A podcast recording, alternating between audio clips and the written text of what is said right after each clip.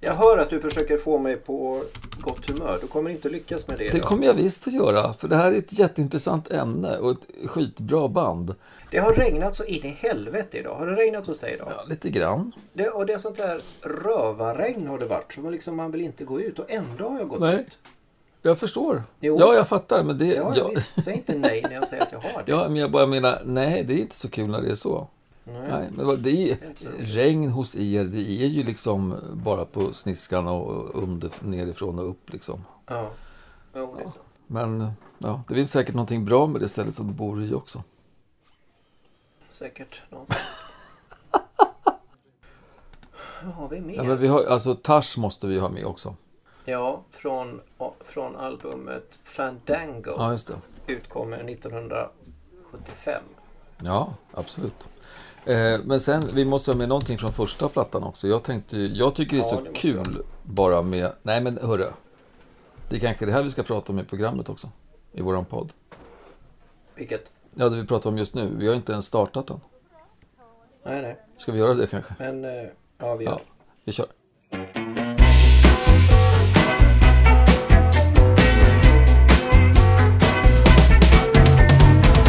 Ja men hej och välkomna allihopa till det här avsnittet av X betydelse för Y. Jag heter Sverker Hemring och vid min andra lyssnarsida så att säga så har jag Patrik Lögdqvist. Ja, vad, vad trevligt! Det där blir ju nästan som att nu, nu är du med i Ja, Vem vet mest? Liksom. Något sånt här quizprogram eller så.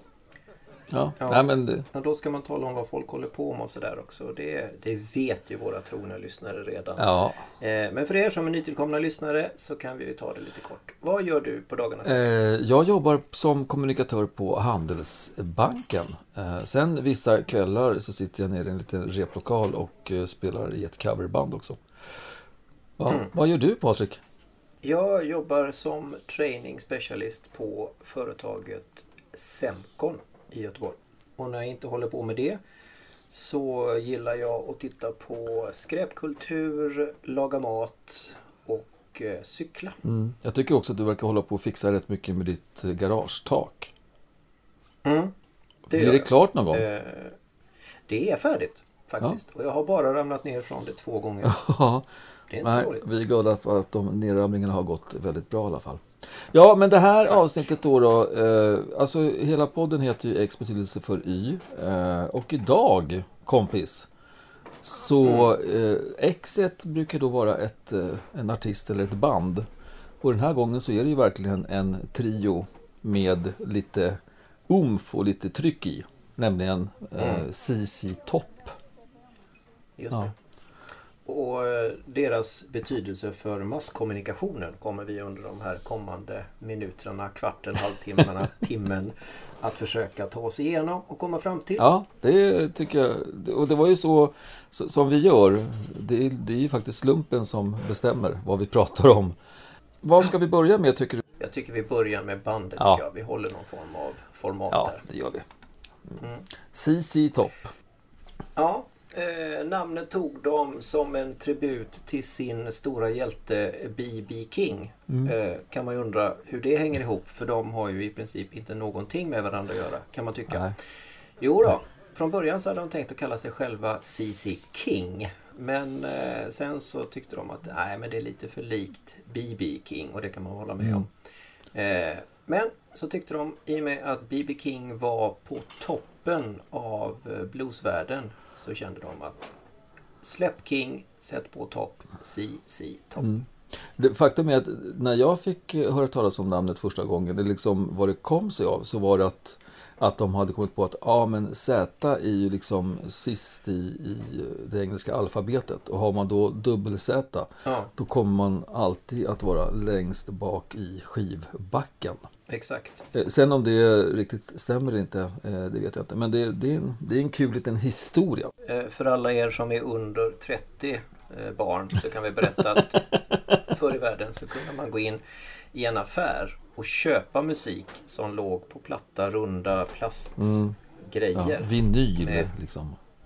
Ja, och de hade två sidor, inte bara en. Nej, och ibland så gav man ut dubbelalbum. Ja, Ja, det har de här killarna Så gjort kan det också. vara. Så, ja, så var det. Ja, de eh, drog igång då där 1970, 69-70 va? ja någonstans Ja. där. Eh, de hade ju, de, kanske vi ska säga vilka de är. Ja, okej. Det är ju Billy Gibbons på gitarr. Det är Dusty Hill på bas. Och sen är det... Frank Beard på trummor. Eh, och det Ja. här, vi måste ju säga det som det står överallt annars, att han heter Beard. Men de som har skägg i bandet är ju Billy och Dusty, helt enkelt. Ja. Jag tror vi kommer att klippa bort det. Det är världens sämsta eh, musikvits. sätt. Ja, ja. Men har vi Ja, sagt, har vi sagt fall, det. så tar vi med det så ber vi om ursäkt att vi säger Ja, det. men det är sånt som man har goda redigerare till. Kunna klippa bort saker och ting. Mm. Mm. Men de startar 69 någonstans. Eh, Gibbons plockade ihop de två andra Mm. från eh, bandet American Blues. Mm. Eh, Gibbons själv spelade då i ett eh, band som heter Moving Sidewalks. Ja. Och Beard och Hill eh, höll på i American Blues. Mm. Och så drog de igång ZZ Top, släppte sin, sitt första album som heter faktiskt ZZ Tops First Album. Alltså det är ju glimrande. Det är ju... Mm. Och lite analt kan man tycka också. Att eh, jo men nu är det det första, då får vi ju faktiskt döpa det till Ja. det första. Jo, man kan ju också tycka att det är aningens analt att en av låtarna på, på den här plattan då heter Certified Blues. Ja, Ja. För det är ju liksom det ändå som är eh, de här tre eh, grabbarnas eh, stora kännetecken. Så är det blues och boogie woogie. Ja. De, eh, ja, de kommer ju från eh, södra delen av USA, Texas. Ja. Och det är ju, det är ju blues och boogie woogie som, som gäller där nere. Och det här har ju de verkligen Det det verkligen. gjort, gjort någonting med. Eh, och det är det vi ska komma till också. Att de inte bara har kört, kört de gamla hjulspåren utan de har använt de gamla hjulspåren och dragit upp lite nya fina autobahns. Just det. Jag tänkte ändå att vi skulle rewinda lite, lite tidigare än ZZ Tops First Album Ja. och lyssna på deras absolut första låt. Ja. Eh, Salt Lick. Där man får en liten, liten inblick i vad som komma skulle. Härligt. Här kommer den.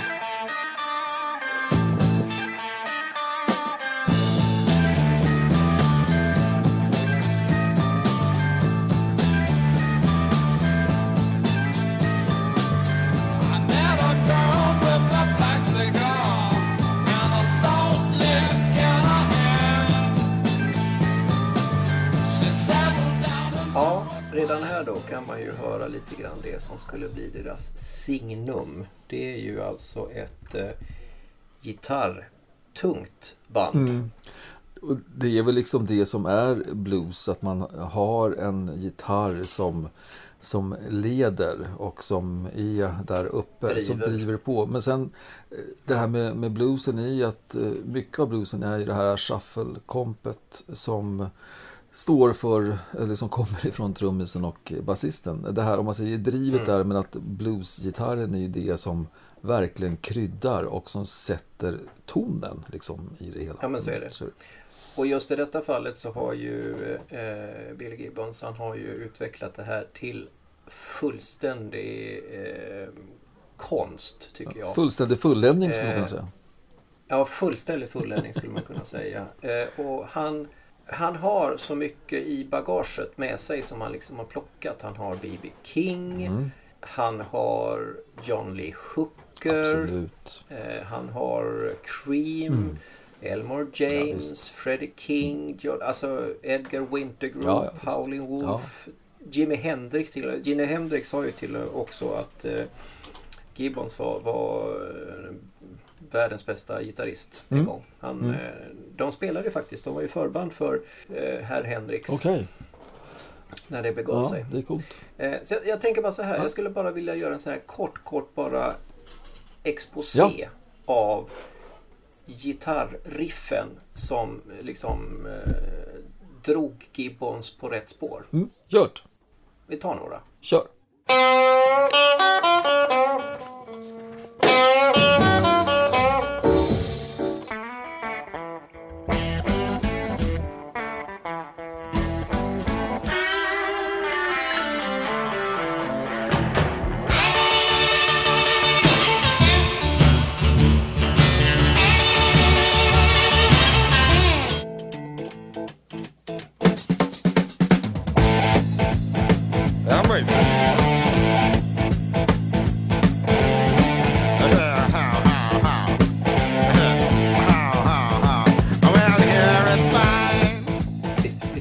Alltså det är glist. är det för jävla Det bra är alltså. svängigt. Ja, det är riktig gung är det. Och, och den sista låten var faktiskt eh, herr Gibbons själv. Yes. Det är Lagrange Mm. från eh, Tres Hambres. Precis. Tredje albumet, andra sidan, tredje låten. Ja. Ja, nu är det så här att eh, nu var vi inne på vinyl igen. Eh, när man lyssnar på sådana här låtar nu så ligger de bara där. Men så var det när de släpptes. 73. Ja. 73 kom det. Ja, och vi kan väl anse att vi inte kanske har så himla många eh, ungdomar som lyssnar på den här podden. Om vi har några Ja, som lyssnar så är de inte unga i alla fall. Man kan ju å å andra sidan tänka sig att de lite äldre som lyssnar på den här podden också har koll på sådana här digitala eh, hjälpmedel som man numera kan lyssna på musik via. Så, kan det vara. Så kan, det kan vara så. Vi kan säga så Ja. här. Kommer ni ihåg Hasse Tellemar så kan ni vinyl. Vet ni inte vem Hasse Tellemar är, släpp det. Byt på Ja. eller något. Nej, nej, stanna kvar för jösse namn. Ni kommer få lära er jättemycket här om massa olika Ja. saker. Så skräm inte bort dem nu Patrik. Nej. Eh, en sak som ni kommer att få lära er lite grann om det är ju då CC Tops betydelse för Y. Alltså masskommunikationsdelen av det här poddavsnittet. Mm.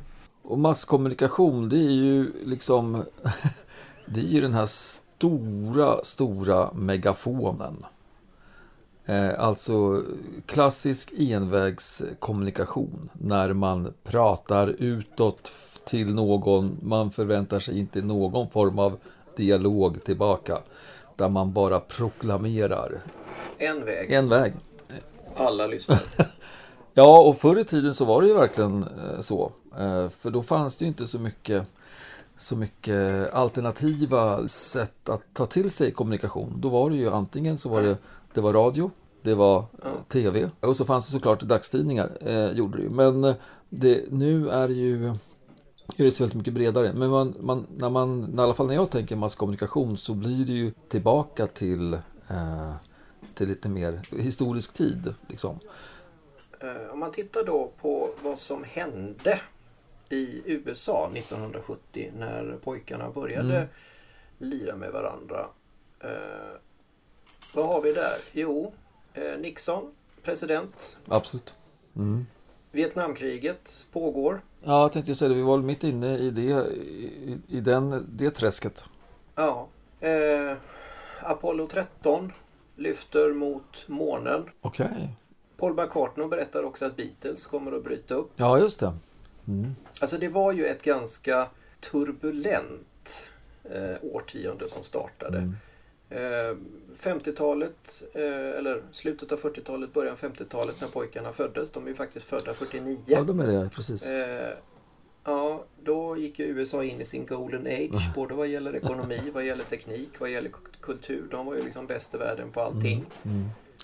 Eh, Och det är ju någonting, nu- någonting som de försöker vidmakthålla fortfarande. Fast jag vet inte om det stämmer riktigt. Men, nej, ja. de, de, de försöker som Ja. sagt med god hjälp av masskommunikation. ja, utan Nej tvekan. men just det här att de har, de har gått upp som en, som en sol. Eh, sen så tvingar de in sig själva i Vietnamkriget eh, på något sätt. Och i samband med det så kommer då Summer of Love. Ja, Folk börjar fatta att det är inte så jävla bra det här. Eh, 50-talets också, vi ska inte prata om kriget, alla ska vara lyckliga, alla ska vara glada. Det börjar gå över lite grann det här, men vad fan då, vi kan väl prata om saker och ting. Just det. Så- Just det. Så det händer jätte, jättemycket saker och självklart så påverkar det ju naturligtvis masskommunikationen. Mm, det gör det verkligen. Eh, framförallt därför att jag tror att masskommunikationen 1970 är inte alla som tror på. Nej, okej. Det tror jag man gjorde 1950-51. Mm. Då, då, då trodde folk på vad som basunerades ut på i radioapparaterna, Mm. tv-apparaterna för de som hade det i USA. Eh, Men du menar att på filmen. Ja, precis. Men nu under 70-talet då, då så, så börjar folk vara lite mer, eh, man tänker lite mer själv. Absolut Mm. så. Eh, och, och det blir en, en eh, USA dras mot sitt kanske mest, vad ska man säga, eh, sin liberala era. Mm. Men masskommunikation då, om man tittar på hur eh, ZZ Top har påverkat masskommunikationen. Den är lite intressant.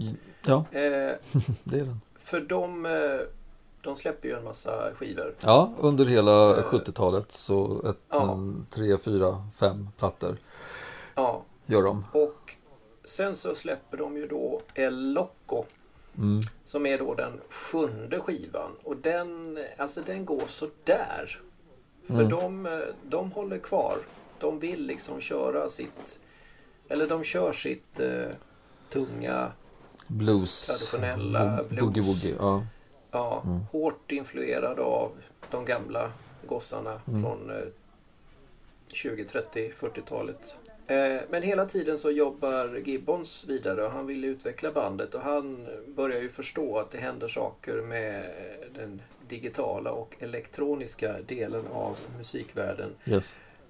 Så att eh, han bestämmer sig att de ska göra ett album som då ska innehålla väldigt mycket annorlunda Mm. saker. Mm. Eh, jag tänker vi kan lyssna på en av låtarna där. Till exempel första Ja. låten på första sidan. Som, alltså den börjar så jävla bra. ja, det är en klassisk start.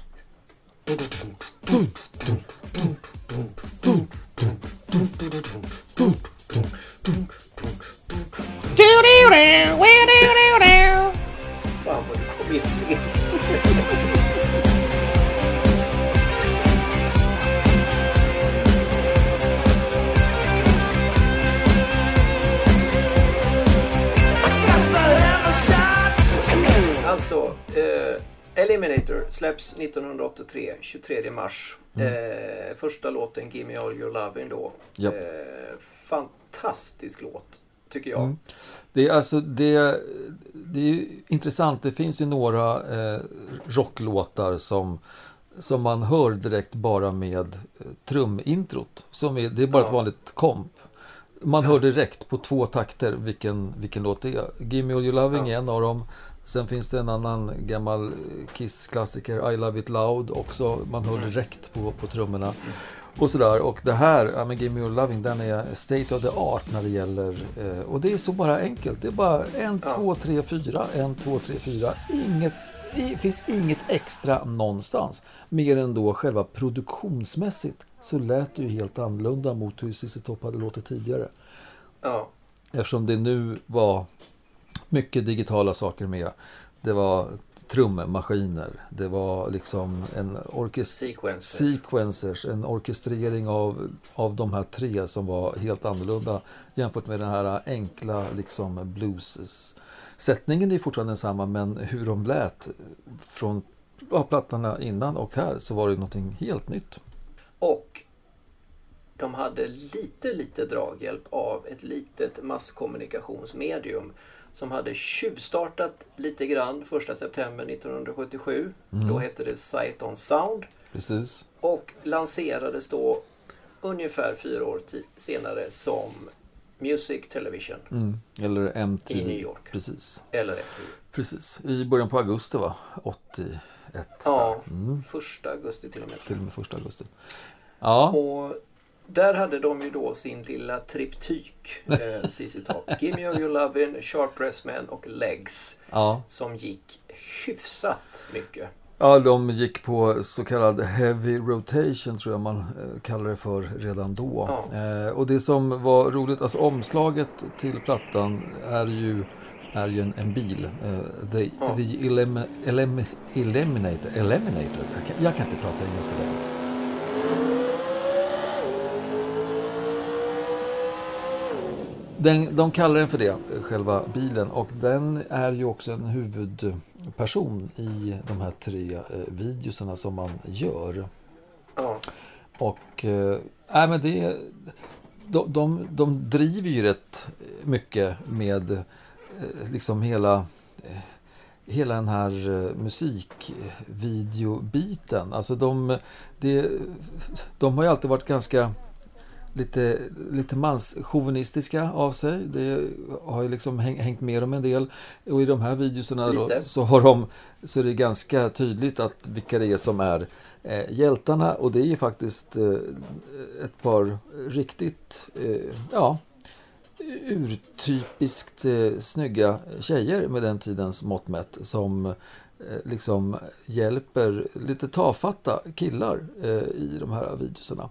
Och CC. Top själva är med och bara så att säga levererar små fina svängningar med armarna hit och dit och en liten bil som kommer inkörande. Alltså det är väldigt, det är gjort med en stor glimt i ögat skulle jag vilja säga. Ja men det är det och det, det kan man väl se att ZZ Top har väl alltid haft någon form av distanserad eh, sydstatsironi i allting de har gjort. Mm. Alltså man döper ju inte sitt första album till ZZ Tops First Album om man inte har lite självdistans. Nej, det är så sant. Ja, nej, men det här det var ju ett koncept som, som verkligen funkade och de blev ju gigantiskt stora. Eh, tack vare eh, sina videosar och tack vare att MTV då, då verkligen körde på med dem stenhårt. Och det fortsatte ju även med plattan som kom två år senare, eh, Afterburner.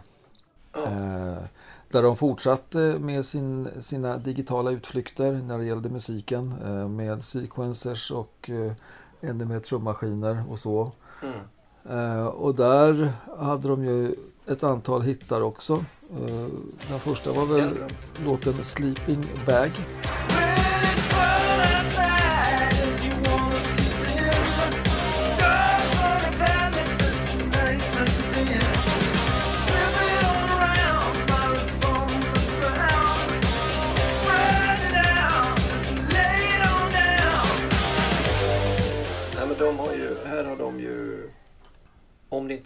Tidigare, så här, den här skivan så har de ju fullständigt fulländat sitt sound. Ja, på det, sättet, på det här sättet som de ville att det skulle låta om man säger så. Med det här, Ja, det här maffiga digitala rock'n'roll-uttrycket. exakt. Och sen är det lite intressant för de har ju en av deras största eh, jag ska inte säga att det är deras enda, men deras största ballad finns ju med här också. Mm. Eh, som naturligtvis också startar med feta elektroniska trummor. Eh, Gibbons omisskännliga gitarr. Japp. Men sen också blir lite, lite annat. Det är ju naturligtvis som jag pratar om och som väl många borde ha dansat till och gråtit till. Rough Boy. Yes.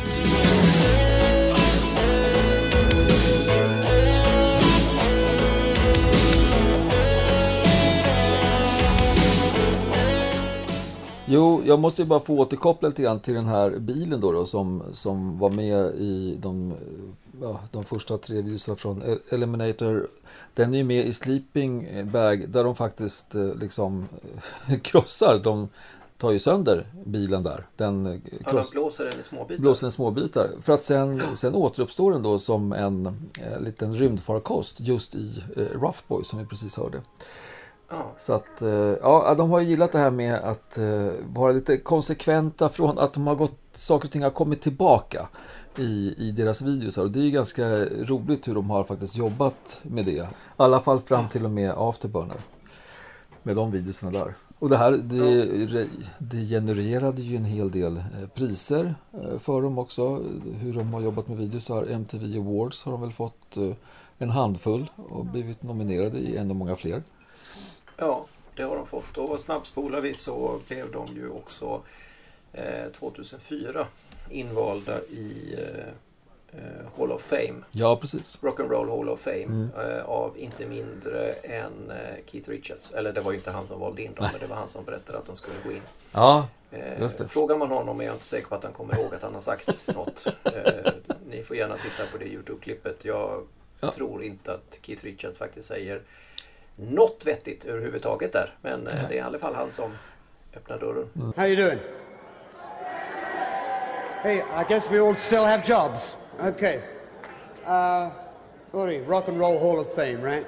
Um, yeah. What's it all about? Uh, I guess we're talking about uh, no notes, ten bucks. It's only rock and roll. Ja, nej, men så det här är ju verkligen den kopplingen mellan, tycker jag då, CC Top och masskommunikation så är det ju, blev via liksom MTV, Music Television. Ja, Och, Så är det. Ja, för det är som så, det är lite intressant för de- de startade 81 på riktigt med sitt namn då MTV i USA. Sen kom de ju då eh, sex år senare till Europa och blev MTV Europe. Ja. Eh, och det har vi väl suttit och kollat på några gånger tillsammans va? Lite, Ja. lite Ray Cooks och... Eh, Rebecca DeRue och... Ja, ja. Och han eh, Sam, någonting va, som gav oss nyheter därifrån. Just. Ja.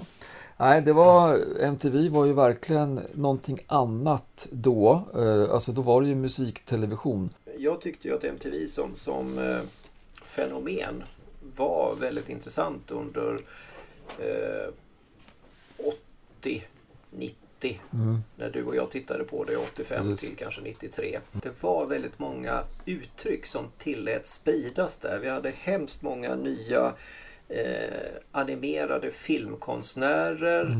Det hände väldigt mycket där och det var, jag tyckte att det var ett väldigt tillåtande format eh, med tanke på hur, hur, eh, hur eh, naturligtvis kommersiellt det var. Nej, men det var häftigt. Alltså MTV har ju varit, eh, har ju lagt grunden för, för mycket av det som vi ser idag. Eh, utan tvekan så är det ju så. Ja. Ja, men eh, vad tror vi om eh, ZZ Top efter, vad, vad hände efter det här sen då? Med, med dem? För, ja, jag kan prata för, för min egen del så de försvann rätt mycket. Jag, de, jag vet att de var ute och turnerade. Jag såg dem faktiskt eh, efter, på deras Afterburner-turné när de kom till, till Sverige. Det var väldigt bra, väldigt tight. Det är löjligt hur, hur två skägggubbar kan stå på varsin sida scenen och inte ha någon liksom, eh, form av kontakt med varandra och ändå bara gunga ex, extremt synkront ihop. Alltså, och, eh, ja, det är häftigt. Men eh, Ja. sen, eh, ja de har väl gett ut några fler plattor. Den senaste är väl 2012 eh, som de kom med La Futura eller vad den hette. Ja.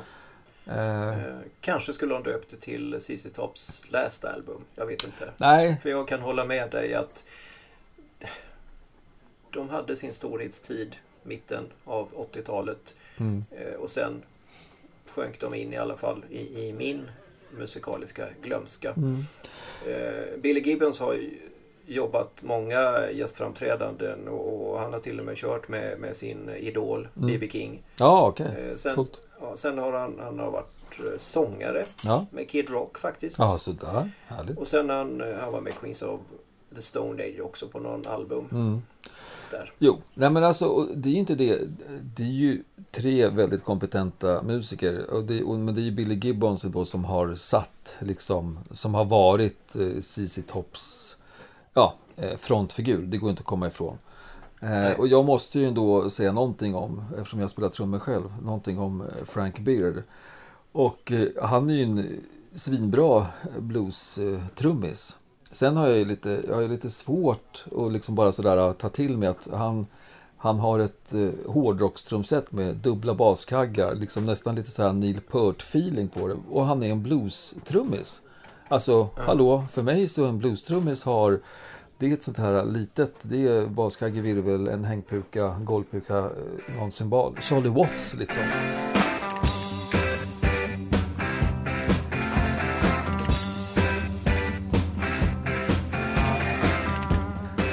Beard, han ska, han ska dundra på. Och han, jag tycker inte ens att han utnyttjar det. Men han är en bra trummis. Men han, det, det, för mig det blir lite fel i när jag ser och det jag hör. Det blir inte... Han har för mycket grejer helt enkelt. Mm, ja, men det, visst. Han, let him have it. Det är inte det jag säger. Men det, det, det rimmar inte helt eh, eh, i mitt... Eh, ja, för mig helt enkelt.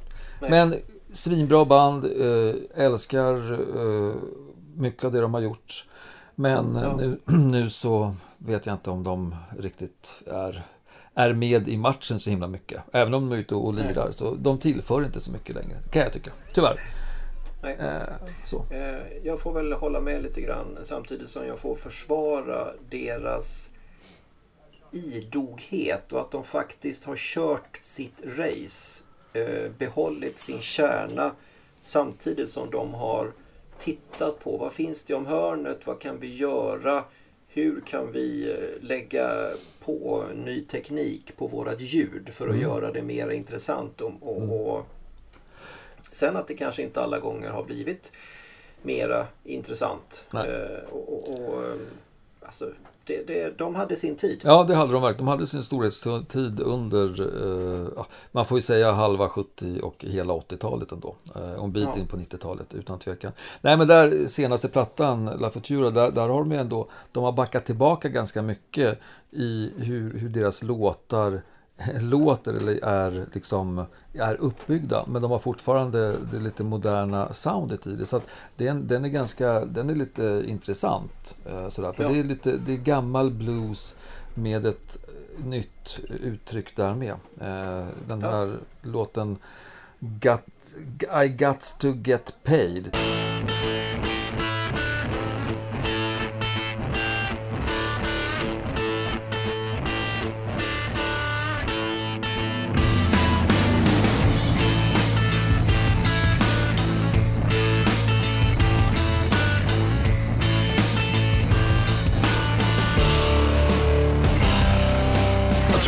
Twenty-five lighters on my dresser, yes sir. ja. Ja. ja, och det svänger ju, det får man ju säga ändå. Ja. Det svänger. Och Så jag att, tänker, eh, det kanske är då så att med det så, så eh, önskar vi CC Topp lycka till ja, utan i tvekan. framtiden. Ja, I La. Futura. Det tycker jag Och, verkligen att vi gör. Lämna dem. Ja, och eh, kon- kontentan då att jo, men visst har CC Topp haft en del betydelse för mass- masskommunikation. Inte minst, eller framförallt kanske från ett eh, MTV-perspektiv. Så är det. Så kan. Eh, Otvetydigt är det så.